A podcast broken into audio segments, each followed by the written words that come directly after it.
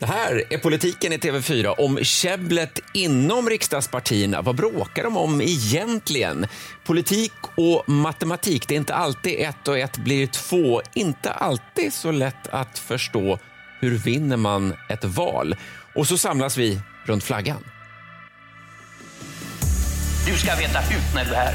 Punkt. Fru talman, nu har Ulf Kristersson fått allt om bakfoten. Vem är jobbar brun? med Vem är brun? Det här handlar om Sveriges bästa. Det här handlar inte om Annie Lööf. We shall overcome. Ha en krampaus. Håll truten på dig Carl Bildt. Det är bara käbbel. Det är bara käbbel. Ja, det är inget aprilskämt, men det är första april i alla fall. Varmt välkomna hit eh, till er som lyssnar och tittar och till Ann och Ulf, våra mycket erfarna politikkommentatorer eh, som alltid finns här. Nästan alltid i alla fall, Ann. vi, eh, jag tänkte så här, innan vi drar igång första ämnet så kan vi i alla fall konstatera att eh, det hänt en del vad gäller väljarsympatierna. Ja, Socialdemokraterna har ju rakat i höjden i den senaste sammanvägningen eh, från TV4 Väljaropinion. Så de ligger nu på nästan 33 procent i eh, opinionen. Och det här är en effekt av det som man brukar kalla för rally around the flag eller flykten till fanan eller samlingen kring flaggan eller vad man ska kalla det för. I en krigs eller krigs, eh, krissituation så tenderar väljarna att dras till eh, de till de etablerade ledarna. Är det något som förvånar dig i den här mätningen? Eh, förvånar vet jag inte, men det mest anmärkningsvärda tycker jag nog är Miljöpartiets oerhört låga siffra. De får bara 2,8 procent. Och när jag jobbade med det här igår och gjorde inslag så försökte jag få en kommentar från Miljöpartiet. Och det var munkavle på riksdagsledamöterna. Jag frågade både Lorentz Tovatt och Annika Hirvonen om de ville kommentera. De ringde presstjänsten och så fick de reda på att nej, ni får inte kommentera det här. Och det skulle vara partisekreteraren då, vilket i och för sig är det, är det vanliga. Men partisekreteraren var inte anträffbar under hela dagen. Och presstjänsten började också ifrågasätta om siffran verkligen stämde. Kan det vara så lågt? Har Göteborgs universitet som räknar ut det här åt oss, gör sammanvägningen, har de verkligen räknat rätt? Eh, sa Miljöpartiets medarbetare. Sen backade de lite från det, men de var väldigt störda över den här oerhört låga siffran. Eh, vi kan väl eh, säga att om ni eh, som lyssnar och tittar vill höra av er till oss med idéer, synpunkter eller frågor kanske, mejla gärna inte bara tjabbel, snabel tv4.se. Ni skippar prickarna över ät. Eh, och apropå välja sympatier och valet så kändes det nästan som att Moderaterna redan hade vunnit valet när de höll sitt partikonvent eller väckelsemöte eh, förra helgen.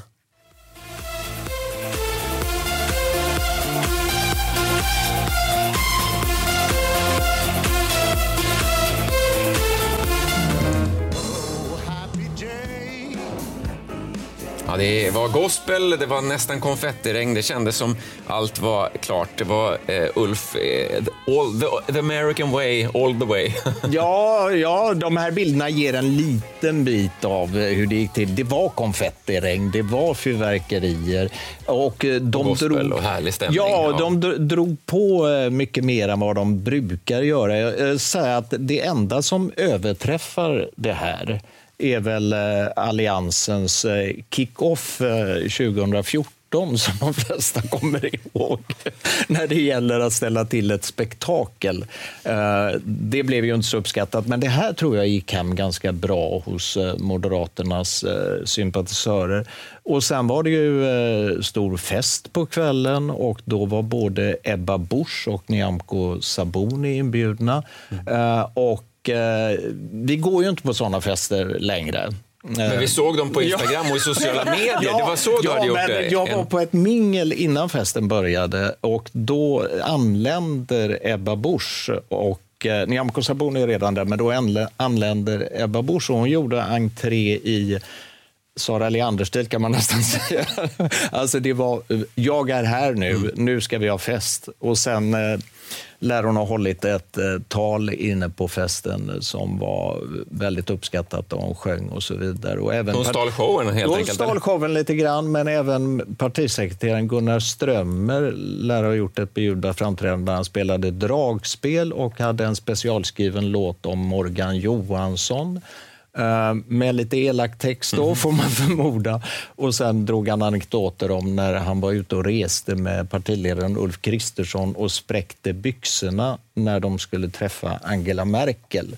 Så att det, det lär ha gått väldigt livat till och det märktes också på stämningen tycker jag. Det var, det var väldigt eh, eh, kick-off, det var väldigt peppande för de moderater som var där. Det, det finns ju ett syfte med såna här... Det, det, är ju, de, det, det här vänder sig ju inte bara till den publiken som är där utan det är väldigt, det är ett sätt att ingjuta någon sorts allmänt... eh, Signalvärde helt enkelt, Ja, signalpolitik. ett, någon sorts allmän känsla att det här är ett parti som har kul som ni andra också borde vilja vara med i. Det är väl det man försöker säga med det här. Kristersson talade om att det, det ska vara roligt också med politik. och det här, Vi ställer till en rolig lördag, som man kallar det. Då tänkte jag på roliga timmen i skolan.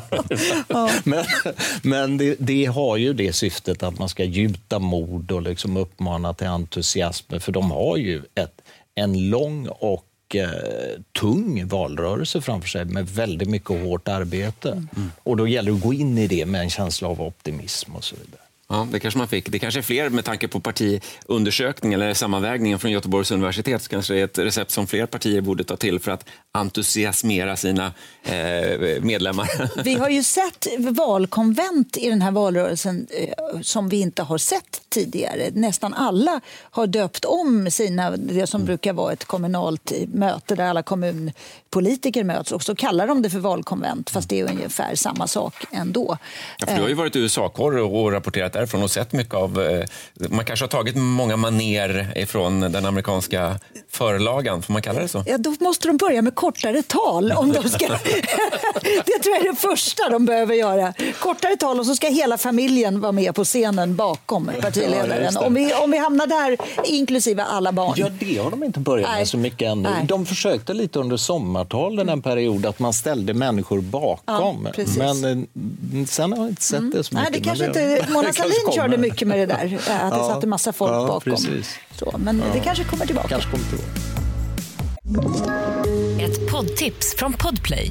I fallen jag aldrig glömmer djupdyker Hasse Aro i arbetet bakom några av Sveriges mest uppseendeväckande brottsutredningar. Går vi in med hemlig telefonavlyssning och, och då upplever vi att vi får en total förändring av hans beteende. Vad är det som händer nu? Vem är det som läcker? Och så säger han att jag är kriminell, jag har varit kriminell i hela mitt liv men att mörda ett barn, där går min gräns. Nya säsongen av Fallen jag aldrig glömmer på Podplay. Det här är inte bara eh, käbbel. Och någonting som jag reagerade, eh, om vi håller oss kvar vid det här moderatkonventet, var ju vad moderatledaren sa eh, med bäring på matematik, att de var bara drygt 200 röster ifrån, som han uttryckte det, det magiska riksdagsmandatet. Tänk på den uppgiften varje gång du knackar en dörr eller ringer ett samtal. Den där sista rösten kan avgöra Sveriges vägval i höst. På Gotland, mina vänner, så skilde det förra gången 254 röster mellan oss och det sista magiska 175 riksdagsmandatet. 254 röster från en ny regering. Mm. Med matematik så kan man få mycket till att låta nära. Eh, stämmer det här? Ja, alltså jag var ju tvungen att kolla det här, hur de hade räknat fram det här. Och då är det så här att, att på Gotland så finns det två mandat. Eh, och Det brukar vara så att det ena går till Socialdemokraterna och det andra går till Moderaterna. Men i förra valet så gick det ena till Socialdemokraterna och det andra till Centern. Och Det eh, hade då gått till Moderaterna istället om de hade fått de där 254 extra. I det valet tyckte inte de att det gjorde så mycket för de ansåg ju då, Centern var ju då fortfarande en del av Alliansen. Eh, men inför det här valet så har man då, eh, ser man inte Centern längre som en bundsförvant och därför så vill man vinna tillbaka det där mandatet. Det här är helt extremt. Det finns ingen annan situation någon annanstans i Sverige som Gotland där det är så här nästan en eh, amerikansk situation att, att det, det det, det, spelar på några få röster vem som får mandatet. Och Sen jämnas det här ut i hela landet dessutom, så det är inte så enkelt egentligen som de vill få det att låta. Men eh, poängen driver han ju hem. Och eh, Jag tycker att det här är ganska fascinerande hur särskilt Moderaterna brukar ägna sig åt att räkna eh, inför valrörelser. Eh, och deras uträkning eh, den är ungefär så här. Ehm, I de här senaste opinionsmätningarna så skiljer det ungefär 3 procent mellan, procentenheter mellan blocken, alltså mellan det som är deras regeringsalternativ och det som inte egentligen kanske är ett regeringsalternativ, men ändå bli, kanske blir det. Eh, och en procent motsvarar 70 000 väljare. Det är deras uträkning. Så eh, om, de ska, om det ska gå över till deras sida då skulle de behöva vinna 1,5 procent för då förlorar andra sidan 1,5 procent. Och det är 70 000 plus 35 000 väljare. Så de, matematiken för Moderaterna är att vi ska vinna 105 000 väljare. Det räcker mm. för att vi ska bli valvinnare. Ja, och, och, och grundperspektivet perspektivet är då det är ju att de anser att det är fortfarande väldigt jämnt. Det är dött lopp mellan de två regeringsalternativen och därför går det, det går att vinna. Mm. Alla även, röster räknar. Ja, jobba, men jobba, jobba. Även om, om eh, opinionsmätningarna nu till fyra väljare opinion visar då 179 mandat för Magdalena Anderssons sida mot 170 mandat med, med de siffrorna för Kristerssons sida så att säga, så, så är det det är så många osäkra faktorer också. Vi har det här med Miljöpartiet och Liberalerna. Kommer något av de partierna eller båda partierna åka ur? Det kan bli helt avgörande.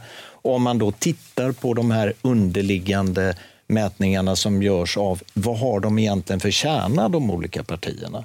Eh, så ser man ju att Liberalerna är det partiet som har minst kärna, så att säga de ligger allra värst till. Miljöpartiet har större chans att komma in om man tittar till de som är eh, hängivna, vad, vad kallas det, eh, överty övertygade, övertygade eh, anhängare och sympatisörer, alltså om man tittar på de som är övertygade som är i kärnan, än vad Liberalerna har. Liberalerna ligger väldigt illa till. Ja. Och Det kan ju också bli helt avgörande. och Det är väl därför Moderaterna nu också satsar på att lyfta Liberalerna medan Socialdemokraterna inte anstränger sig lika mycket för att lyfta Miljöpartiet, ja. även om de behöver dem. För de räknar nog ändå med att Miljöpartiet bör klara det. Men jag, det här med kärnan är rätt viktigt här. För jag, jag tror att, att eh, pratar man då med Moderaterna så säger de så här... Ja, eh, Socialdemokraterna ja, de må ha över 30 procent, men hur stor andel av dem är verkligen övertygade eh, socialdemokrater? Hur stor är den här kärnan? Och i den mätningen som, som publicerades i, i veckan som, eh, som institutet gjorde vid Göteborgs universitet, där tror jag ungefär 5% av Socialdemokraternas väljare är helt övertygade. Eh, och jag tror inte att Moderaterna räknar på det sättet utan de sätter nog att det är en högre andel. Men jag hörde faktiskt en moderat säga så här, ja, men en stor del av de där, de väljer partier ungefär som att jag väljer mellan Miele och Electrolux när jag ska välja köksmaskiner. det finns ändå en, en sån här lite lätthet i hur man tänker att det ska gå att övertyga väljare och byta mm, parti. Mm, mm, mm. Och från båda håll ska jag säga. Mm. Socialdemokraterna är också ganska övertygade om att de kan få eh, svänga eh, över en del moderat KD-väljare till exempel. Men, men eh, kontentan är ju ändå att det kommer bli stenhård mm. kamp i valrörelsen och det, det är liksom inte kört för någon deras sida. Och som Ulf Kristersson sa i det här talet vi lyssnade till, att varje dörr räknas, knacka på varje dörr. Det inspirerar väl eh, valarbetarna, men det kanske inte alltid det öppnas heller.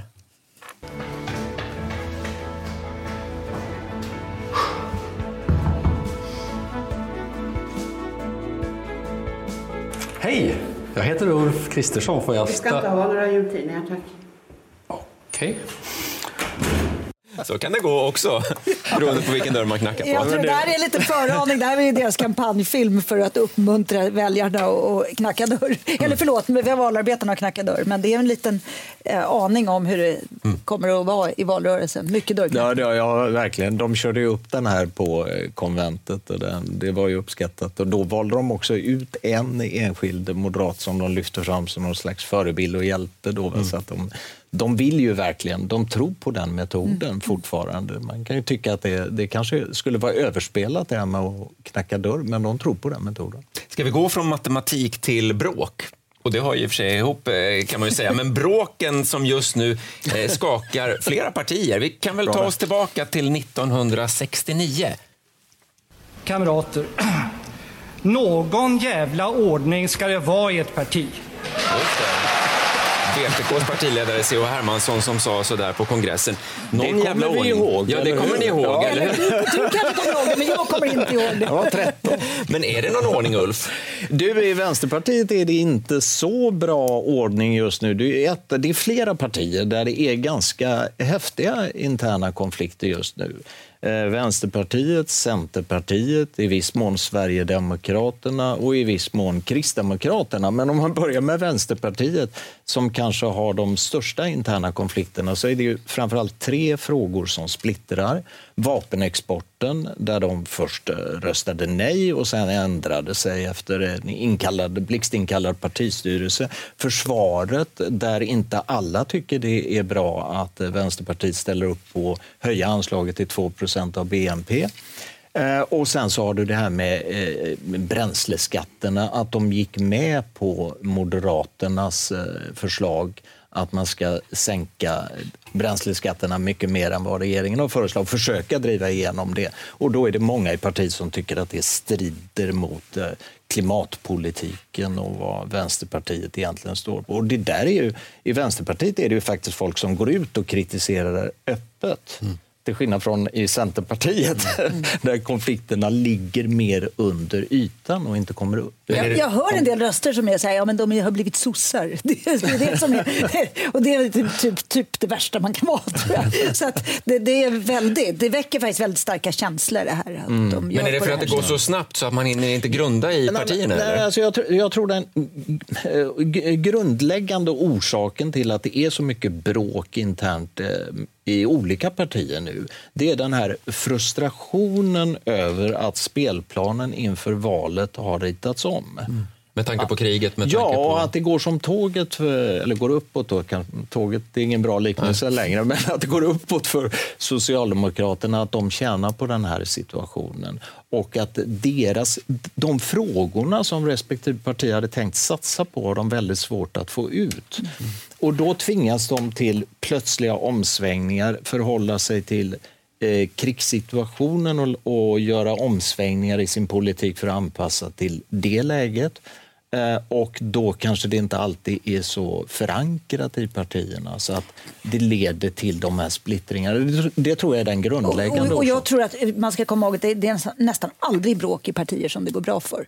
Det är Nej. nästan alltid bråk i partier mm. som det går dåligt för. Mm. Och det, mm. den där funktionen den handlar ju också ofta om vägval. Vad är bästa metoden för att ta oss ur den här situationen? Och mm. Då brukar man det utkristallisera sig en grupp som, som tycker att vi, så länge vi äh, följer äh, vår partilinje så spelar det ingen roll vilken metod vi använder för att nå det. Det vill säga, eh, och, så, och, så, finns det en annan grupp som, som är mycket mer, brukar vara mycket mer eh, förankrad i ideologin. Mm. Eh, det är mycket viktigare att, att vara, vara ren vad det gäller motiven och ideologin. Och eh, vad det gäller mm. Vänsterpartiet är det helt uppenbart att, att ledningen försöker dra iväg och fånga röster medan eh, mm. den här särskilt de brukar kallas för klimatnätverket som är väldigt starkt emot mm. eh, i klimatfrågan. De, de tycker att man ska stanna i det som de mm. ser som en ideologisk förankring, ungefär. När, när, det gäller, när det gäller Centerpartiet är det ju lite annorlunda. För att där är ju den stora frustrationen som leder till att det är interna konflikter under ytan i Centerpartiet. Det är ju att det här, deras tal, Annie Lööfs strategi med breda mitt mitten får liksom aldrig något genomslag. Hon kommer ingenstans mot det.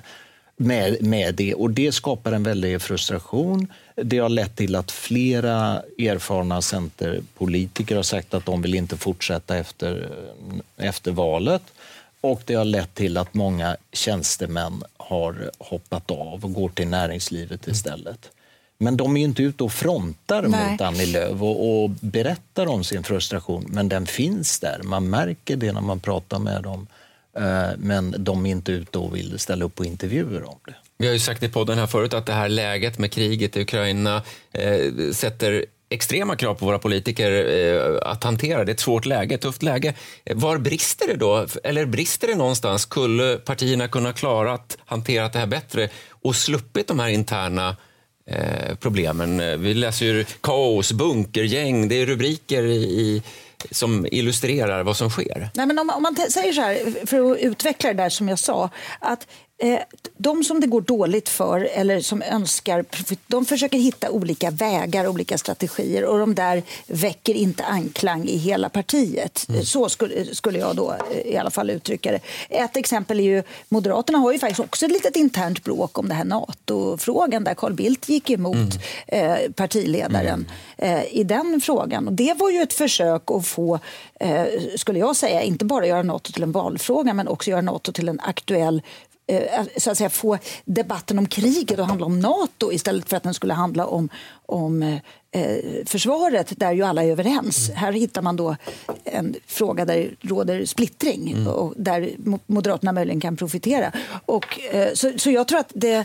Eh, jag skulle inte säga att det är oskicklighet. Jag skulle nog säga att det bara är svårt. I vissa fall är det Ja, oskicklighet kanske. Men, men, sen, alltså dels handlar det ju om det här, förhålla sig till kriget. Det, det är ju det mest akuta. Va? Men sen, om, om du tar till exempel Centerpartiet då, så handlar det ju också om var, var befinner de sig politiskt på den politiska skalan. Och då, vi har pratat om SOM-institutets mätning tidigare. De gör ju också såna här eh, mätningar när det gäller hur eh, ett visst partis väljare ser på andra partier. Och då i den senaste mätningen från SOM då, så visar det sig att Centerpartisterna de sätter ju Socialdemokraterna de gillar Socialdemokraterna mer än Moderaterna idag. Det har skett en förflyttning där. Och då blir det ju, då blir det ju ett nytt, då börjar ett nytt politiskt landskap träda fram. Och det, det finns andra partier eh, som det också är stora förändringar att Moderaterna, eh, Moderaternas väljare gillar nu Sverigedemokraterna eh, bättre än Centerpartiet. Mm. Till exempel. De, och Det är ganska- det är hade- ganska det- ja, stor det, det hade ju varit förändring. Ja, otänkbart eh, för bara något år sedan eller två år sedan. Vi ska säga som då, den undersökningen, dess frågor till svenska folket på tema samhälle, opinion, media från Göteborgs universitet. Bara ja, så det är en stor, det. Mm. stor och väldigt intressant undersökning där man verkligen, om man verkligen är intresserad av att liksom tränga ner under ytan. Ulf, Ulf på- lyssnar på hela deras seminarium. Förhåller sig våra det är partier, jag och Fredrik Furtenbach på Ekot som... som är så nördiga, men förhåller sig partiledarna? Är man, lystrar man, ser man det här Ja. och eh, anpassar? Ja, det gör de. Det är helt korrekt. Politikerna, Ulf, Fredrik Furtenbach och alla partistrateger sitter där och lyssnar. vi som bryr oss. Vi kan väl avsluta med ett garv i dagens podd. det. Ann Tiberg, Ulf Kristoffersson, tack för idag. Tack för att ni har lyssnat. Hör av er till oss om ni har idéer, och synpunkter. Mejlet är inte bara tjabbel, bort med prickarna över ät, snabel tv4.se. Eh, första april, april, eh, men det var inga dumma sillar i det här programmet i alla fall. Ha en fin eh, fredag, eller när ni nu lyssnar och tittar. Vi finns där poddar finns och på TV4 Play. Podplay. Ett poddtips från Podplay. I fallen jag aldrig glömmer djupdyker Hasse Aro i arbetet bakom några av Sveriges mest uppseendeväckande brottsutredningar. Går vi in med hemlig telefonavlyssning och, och då upplever vi att vi får en total förändring av hans beteende. Vad är det som händer nu? Vem är det som läcker? Och så säger han att jag är kriminell, jag har varit kriminell i hela mitt liv men att mörda ett barn, där går min gräns. Nya säsongen av Fallen jag aldrig glömmer på Podplay.